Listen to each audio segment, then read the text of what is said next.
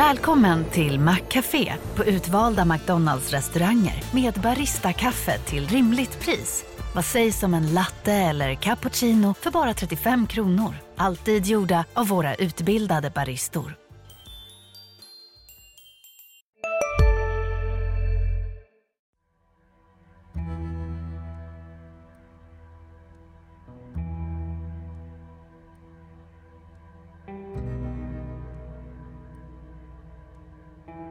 Välkommen till ytterligare ett avsnitt av Studio Krim med oss på Länstidningen i Södertälje. Torbjörn Granström heter jag, är kriminalreporter, sitter här med Stefan Lindström, kommunreporter. Välkommen! Hej hej! Ja, idag ska vi prata om ett aktuellt ämne. Ehm, sportchefen i Nordic United, Daniel Shaho, har ju tidigare i veckan blivit dömd för illegal spelverksamhet.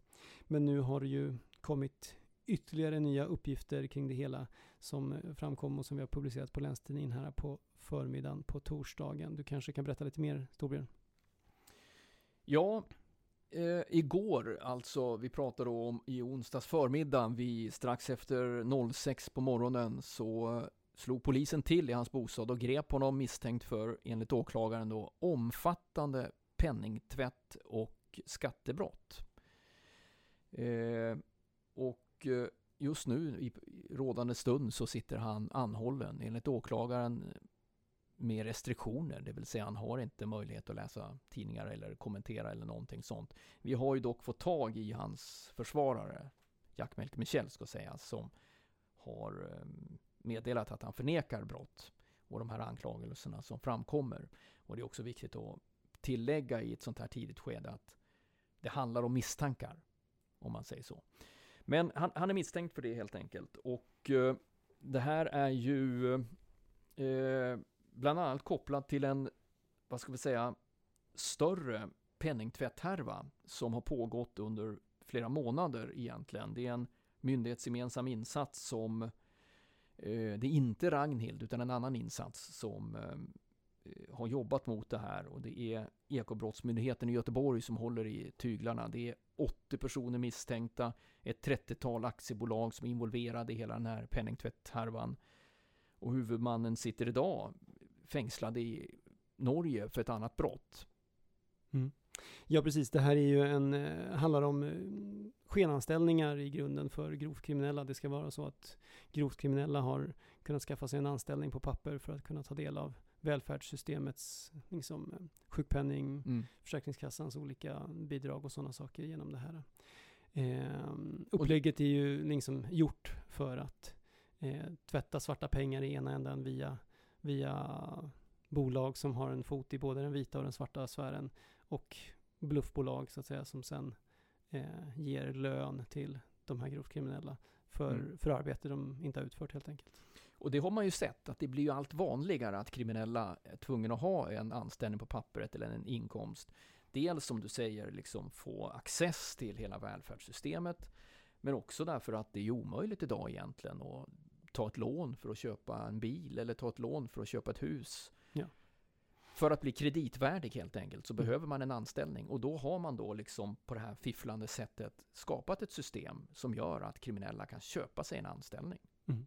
Och samtidigt så, så verkar det också som att de då, polisen har ju med det här fått svårare att ta liksom fina bilar, klockor eh, och sådana här saker som man tidigare har tagit i beslag som man har ansett vara en del av brottsförtjänster mm. så att säga. Men nu kan de då visa på papper att de har en, en vit inkomst som kan ha betalat för de här sakerna. Så ja. det gör det svårare med liksom lagföring och att eh, stoppa den här brottsligheten också. Ja, exakt. Och då ska ju sägas att eh, i den här verksamheten så har det funnits liksom vad man har kallat för eh, någon form av eh, ekobrottsspecialister kallar man det väl, mm. som liksom står för olika tjänster liksom. Och, I de här blufföretagen? Ja, i blufföretagen. I det brottsliga upplägget, ja. ja. Men, men, men vilken roll just Shaho ska ha i det här, det vet vi ju faktiskt inte. Och det vill inte åklagaren säga i nuläget, hans exakta roll. Det enda de har sagt är att, för vi kan ju anta att han behöver ju inte naturligtvis köpa sig en anställning. Det kan vi ju utgå Nej, han ifrån. har en anställning. Han hade ju en anställning. Han, han har ju haft det ända mm. fram till igår eller något sånt, mm. när han fick den här första domen. Mm. Eh, så det är någon annan form av roll de då misstänker honom för. Jag frågade åklagaren om detta, han ville inte gå in närmare på det, men han sa något i stil med att i den här verksamheten så behövs stora kontantbelopp tvättas vita och de behövs eh, så att säga omvandlas så att de kommer in i banksystemet. Mm. Mm. Men eh, så, så, att det är liksom, det, det återstår att se liksom vad Mm. exakt hans roll är. Ja, precis. Misstanken om hans roll, ska sägas.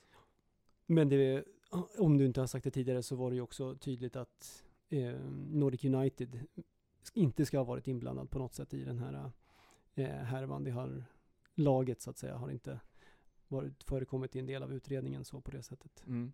Nej, precis. Och det var han ju inte när han dömdes häromdagen för illegal spelverksamhet. Mm. Heller. Det var ju inte heller kopplat till Nordic United. Nej.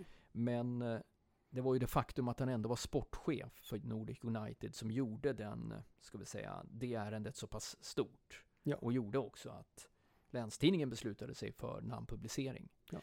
Ehm, men den, om vi lite kortfattat, den, den eh, händelsen sträcker sig tillbaka till 2020 i november när det pågick, när polisen slog till mot en spelklubb Mm. i, i, på Söder i Stockholm och hittade stora kontantbelopp och spel om pengar och eh, man beslagtog eh, mobiltelefoner där det framgick att eh, Xiao själv framstod som ägare eller ansvarig för verksamheten och detta förnekade han själv och det blev rättegång och domen slog fast att eh, han dömdes för illegal spelverksamhet Ja. och eh, fick bötesbrott om vi säger så. Så efter det har han valt att avgå. Mm. Eh, men man kan ju konstatera att eh, den här ärendet som nu liksom pådyvlas är ju så att säga av betydligt större dignitet. En spel, eh, den illegala spelverksamheten. det, det var ett bötesstraff Mm. som han fick liksom för Mm. det här andra. Och ja, jag Men, vet inte. men det finns andra intressanta paralleller till den här huvudmannen också skulle man kunna berätta när det kommer till den här. Ja, i den här precis, i den här stora härvan så, så ska vi säga att huvudmannen, en eh, person från eh, Skåne, han eh, har eh, ehm, Ja, Han har, drivit, han har drivit ett fotbollslag där nere också, mer eller mindre ur, ur egen ficka. så, att som av en slump så har han drivit ett fotbollslag också. Ja, han har också varit engagerad i ett fotbollslag som har liksom dykt upp och gått upp genom eh, seriesystemet på, på kort tid på olika sätt. Ja, de, de satt ju med stora svårigheter när han blev gripen och liksom det, det är stora ekonomiska svårigheter efteråt eftersom Mm. liksom pengarna kom från den här huvudmannen helt enkelt. Och när han försvann från Ja, banan mm, då, då hade ju klubben svårt att jobba vidare på olika sätt. och det som hände med honom var ju att han eh, sen dömdes i Norge faktiskt för eh, bedrägeribrott mot äldre. Ja. Han fick, vad var det? Jag tror han sitter på ett sexårigt fängelsestraff eller något sånt i Norge just nu. Avtjänar det i ett annat ärende. Ja, i ett norskt ärende. ja. Mm. Helt enkelt att och ringt upp äldre och lurat dem på pengar med om det är olika bank-id eller överföringar eller vad de har gjort. Jag är inte insatt i det ärendet men eh, Men vi kan ju gå tillbaka till Daniel Shaho. Eh, Du pratade ju med åklagaren om det, att det här eh, penningtvättsärendet som han eh, greps i nu, det är ju bara en Eh, liten del av. Ja, det helheten, finns en precis. större, större Ja. sak på gång där.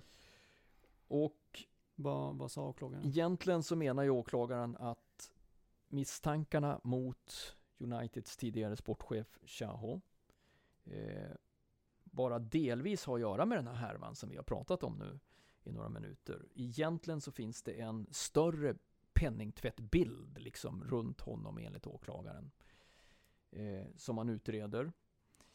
Och eh, man, pr- han pratar också om att det, det är inte bara Shaho utan ett kluster av Södertälje, personer från Södertälje som utreds i den här härvan. Eh, och det ska omfatta betydligt större summor än vad han misstänks för i den här stora härvan. Mm. Den här stora härvan har ju fått mycket uppmärksamhet rent allmänt. Den har inte så mycket Södertälje men, eh, fram till nu, men eh, den eh, utgör ändå bara en mindre del av det han misstänks för nu och sitter anhållen för. Eh, man har ju gjort en, man gjorde ju igår en omfattande husrannsakan inne på bland annat, ja naturligtvis i hans hem och allting sånt där men även i eh, på eh, Kontoret på- ja, fotbollsklubbens kontor för att se om man kunde hitta bevisning eller någonting som styrker någonting av de här misstankarna. Och eh, eh, han, Ja men man kan väl säga att polisen, eller åklagaren berättade ju för dig att det, det handlade om mångmiljonbelopp som, som har fryst har- så ja, att säga på något sätt. man, har, man har helt enkelt säkrat mångmiljonbelopp på eh, Chaho. Som man har eh, satt i kvarstad. Man kan säga att man har häktat pengarna, kan man Mm. säga lite förenklat. Mm. Eh, ifall att det skulle bli en fällande dom. Och då pratar vi om mångmiljonbelopp som sagt. Och det är också mångmiljonbelopp som har liksom skett i de här transfereringarna mellan de misstänkta i den här penningtvätt härvan också kring honom då. Mm. Ja, vad tror du att det här betyder för Södertäljes ändå? Även om det här inte är kopplat till fotbollen, tror du att det på något sätt skulle kunna stänka över på fotbollsverksamheten i Södertälje? Det är ju väldigt svårt att säga, men om man jämför med så som det var med, med huvudmannen i härvan här, alltså där, där uppgav ju de som var kvar i klubben att det fanns stora ekonomiska svårigheter efteråt. Jag vet inte Mm. om någonting sånt kan hända här eller hur pengarna har gått här liksom. Men det är ju, det är ändå um, värt att kolla på. Ja, jag pratade ju med Anton Gustafsson som jobbar på Länstidningen på LT-sporten om just eh, den här domen som kom tidigare om illegal spelverksamhet. Hej, Ulf Kristersson här. På många sätt är det en mörk tid vi lever i. Men nu tar vi ett stort steg för att göra Sverige till en tryggare och säkrare plats. Sverige är nu medlem i Nato. En för alla, alla för en. Vi är specialister på det vi gör, precis som du. Därför försäkrar vi på Swedea bara småföretag, som ditt. För oss är små företag alltid större än stora och vår företagsförsäkring anpassar sig helt efter firmans förutsättningar. Gå in på swedea.se företag och jämför själv. Och eh, vi kan väl återkoppla dit och bara höra hur sporten ser på saken. Välkommen till Studio Krim med oss på Länstidningen Södertälje. Jag sitter här med Anton Gustafsson från LT Sporten. Hej! Tack och tack. Känns kul att få vara med i den här podden också. Ja, Vanlig- du är ju van att podda. Ja, vanligtvis är det ju våran Sportklubben, men eh, ja, nu eh, händer det andra saker i, i sportens värld. Som gränsar över till, kan man säga, brottets väg i Mm. någon mening. Nämligen eh, sportchefen för Nordic United, Daniel Chaho, har dömts för vad då? Ja, eh, kom ju idag då, vi sitter här på, på tisdag eftermiddag och han dömdes ju då för grov olovlig spelverksamhet. Eh, och eh, han ska ju då ha eh, skött en, en illegal spelklubb på, eh, i centrala Stockholm. Eh, det här är, ska ju ha hänt då för några år sedan, 2020, ska han då ha varit drivande i, i den här spelklubben där det ska spelas för ganska stora summor, eh, poker bland annat. Eh, så det fann då tingsrätten att han var, var skyldig till idag. Och eh, det här har han ju själv förnekat och sådär. Och nu när han dömdes så avgick han ju också, om jag förstår det hela rätt. Vad, ha- har du pratat med honom själv? Ja, eh, jag har varit i kontakt med honom och hans advokat och de är ju inte alls nöjda med domen, var de väldigt tydliga med och de kommer att överklaga. Eh, bland annat så Jack Melker Michel som är hans försvarsadvokat eh, menade att eh, de har haft flera invändningar mot, mot, eh, mot åklagarens eh, bevisning eh, och han menar ju då att ingen av de här invändningarna har fått någon förklaring varför de skulle varit fel i domen. Och det, det, framförallt är det det som advokaten var missnöjd med. Mm. Eh, och ja, den, den kommer överklagas. Men som du sa, det här ledde också till att Daniel Shaho sa upp sig som sportchef för Nordic United. Eh, han menar att eh, det har blivit, eh, även om han då har överklagat och anser sig var, var, inte vara skyldig, så eh, tycker han att det här har fått alldeles för stor uppmärksamhet och tagit liksom eh, tagit, det har överskuggat eh, det sportsliga. Eh, att hans, eh, ja den här domen har fått så stor uppmärksamhet att man har liksom tappat fokus från det som han då tycker Nordic United har gjort så bra på planen och det som föreningen har gjort. Så då Mm. menar han att då är det bättre om han säger upp sig och ja, tar bort den, den uppmärksamheten från klubben då. Vad tror du han har betytt för klubben då? Vad kommer det här betyda någonting för det sportsliga i United? Ja, alltså mm, nu är han ju dömd för ett brott, men, men rent sportsligt så måste man ju säga att han har gjort ett väldigt bra jobb. Eh, Nordic United var alltså nykomlingar i division 1 och tar direkt då så slutar de tvåa i division 1 eh, och får då kvala till superettan. Ett kval som vi sänder här på helte.se under slutet av veckan. Eh, samtidigt som man då har, har startat upp med en, eh, en ungdomssektion i klubben från noll och har ett hundratal barn i, i föreningen eh, där det tidigare inte har funnits några ungdom, barn och ungdomslag. Så med, på så sätt så har han ju gjort väldigt mycket gott för Nordic United. Och framförallt så är han ju en av två tillsammans med ordföranden Daniel Halef som har dragit ett väldigt stort lass. Jag har pratat med Daniel Halef också och han menar ju då att det här är ju ett stort slag för klubben och att Mm. det kommer bli väldigt svårt att driva den framöver menar han. Den här ungdomsverksamheten du pratar om, skiljer den sig någonting mot för Syrianskas och Assyriskas? Ja, förut, den är betydligt mindre då eftersom den är så ny. Är det Eh, anhöriga till de som spelar där eller har de liksom en fristående? Ja, alltså det, det är väl det säkert. Jag har inte koll på det till 100% så, men det, det är ju, de har ju ja, bjudit in barn från Södertälje som, som vill spela fotboll och då har de kommit till Nordic United. Mm. Eh, De ska ha åtta barn och ungdomslag som jag förstod. Han har haft en stor betydelse för själva klubben, det sportsliga säger du.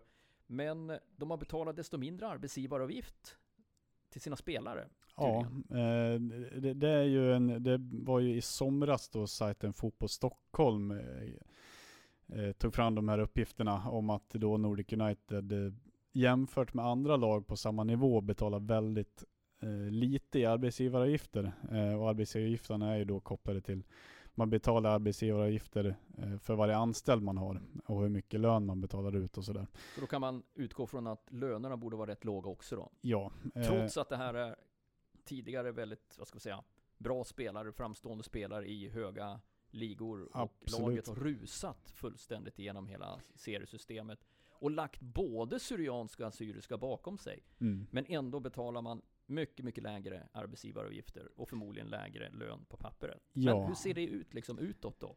ja, har det det- pratats om detta? Ja, det, det är ju uppseendeväckande uppgifter. Eh, att ett lag som har kunnat ändå fått ihop ett så ganska meriterat lag ändå då till synes betalar ganska låga löner. Eh, och det har ju dragit till sig uppmärksamhet och folk frågar sig hur det är möjligt. Speciellt när man har lockat till sig spelare som, som inte har någon koppling till Södertälje egentligen. Så att det är svårt att säga att de liksom spelar för klubben eller något sånt där. De har bra, bra munläder kanske? De, de är bra rekryterat till Ja, verksamheten. och, och klubben har ju eh, förklarat sig kring det här. Eh, dels till oss, när, när det här kommer ut så har vi en artikel ut om det. Och det, det handlar ju då om att, eh, menar klubben då, ska jag vara tydlig med, att eh, dels att de är en mycket mindre förening än de flesta föreningarna som spelar i division 1. Alltså att de, de har då inte haft de här stora ungdomssektionerna med betalda ledare och sånt där. Och att det då är en anledning till att arbetsgivaravgifterna är så pass låga. Eh, och sen också då att de, ja, alla spelare är deltidsanställda, de tränar bara på kvällar och hela den biten. Så det, de menar att det finns förklaringar till det, till de här låga avgifterna. Och så har vi den här domen då, mitt uppe i detta med illegalt spel. Jag tänkte på domen, eh, du sa själv så är han och eh, advokaten eh, missnöjda över domen såklart. De vill överklaga den och så. Mm. Om jag förstår saken rätt efter att ha kollat lite grann i utredningspapperna så kan man väl dra slutsatsen att domstolen måste ha trott på de chattar man hittade i hans egen telefon. Eh, mer än hans förklaring kring de här chattarna. Om vi, där står ju till exempel att jag tar över klubben den första september Mm. 2020 ansågs, menas det då. Eh, folk svarar att ja, vad bra att du äntligen tar över eller Mm. äntligen någon person som jag gillar eller något sånt där, är det någon som svarar. Ja. Det är alltså många, det är konversationer som tyder på, chattmässigt visar på att han tog över klubben.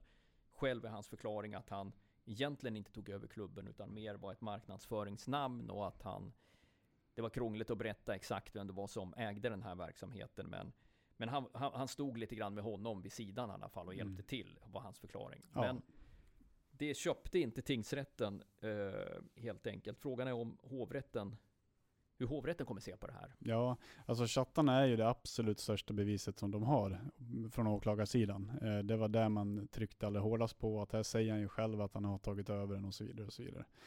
Ehm, sen, jag, jag är lite för dåligt bevandrad i, i, liksom, i, i rättsväsendet för att hur, hur mycket vikt man brukar lägga vid chattar. Det kanske du har, har bättre koll på, hur, hur liksom, tungt bevisvärde det har nu för tiden. Tittar man på Encrochat-utredningarna så, är ju, så väger ju de tungt. Man såg ju att de vägde tungt då. Eh, där görs ju narkotikauppgörelser upp och så. Och eh, då har ju väldigt stor ansträngning från polisens sida varit och visat att det är just de här personerna som man åtalar som också samtalar bakom sina alias. Eh, och så har det räckt tillsammans med lite kringbevisning. I det här fallet vet man väl att det är han som chattar. Men han ger ju, han, han ger ju en bättre förklaring till chattarna än vad de personer som fälldes i Encrochat-rättegångarna gjorde. Så därför var det ju in i det sista väldigt oklart tycker jag. Vi pratade ju själv om det här innan. Och vi stod väl och vägdes där 50-50. Vi trodde kanske till och med att han skulle frias eller Mm. något sånt där utifrån de rent juridiska grunderna.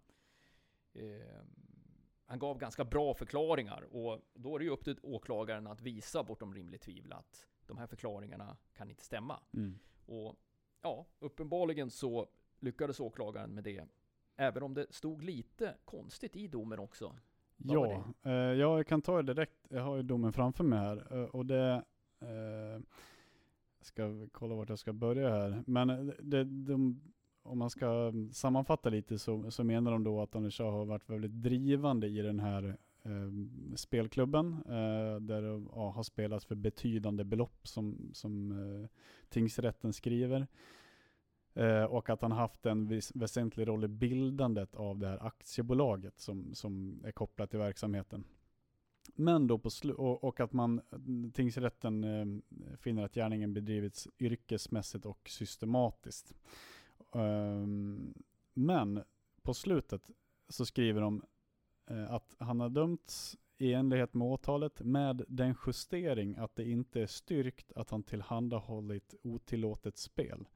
Det kan ju vara en lite märklig formulering på slutet. Det blir lite motsägelsefullt. Alltså när man bara läser det sådär, kan jag tycka. Man tolkar det som att tingsrätten kanske då bedömt att han har varit med på något sätt, eh, varit väldigt aktiv i liksom i den här verksamheten. Sen om man vet att det är exakt han, han som har ordnat det här otillåtna spelet den här kvällen, eller vad det är, någon Mm. annan kväll.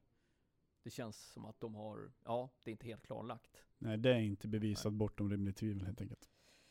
Ja, nej men intressant. Vi får följa hur det går i denna historia framöver. Mm. Tack för att du kom hit. Kul att få vara med. Ja, så lät det när jag pratade med Anton Gustafsson tidigare i veckan. Och med de orden så avslutar vi det här korta avsnittet och eh, på återseende. Vi fortsätter bevaka detta. Tack så mycket. Tack.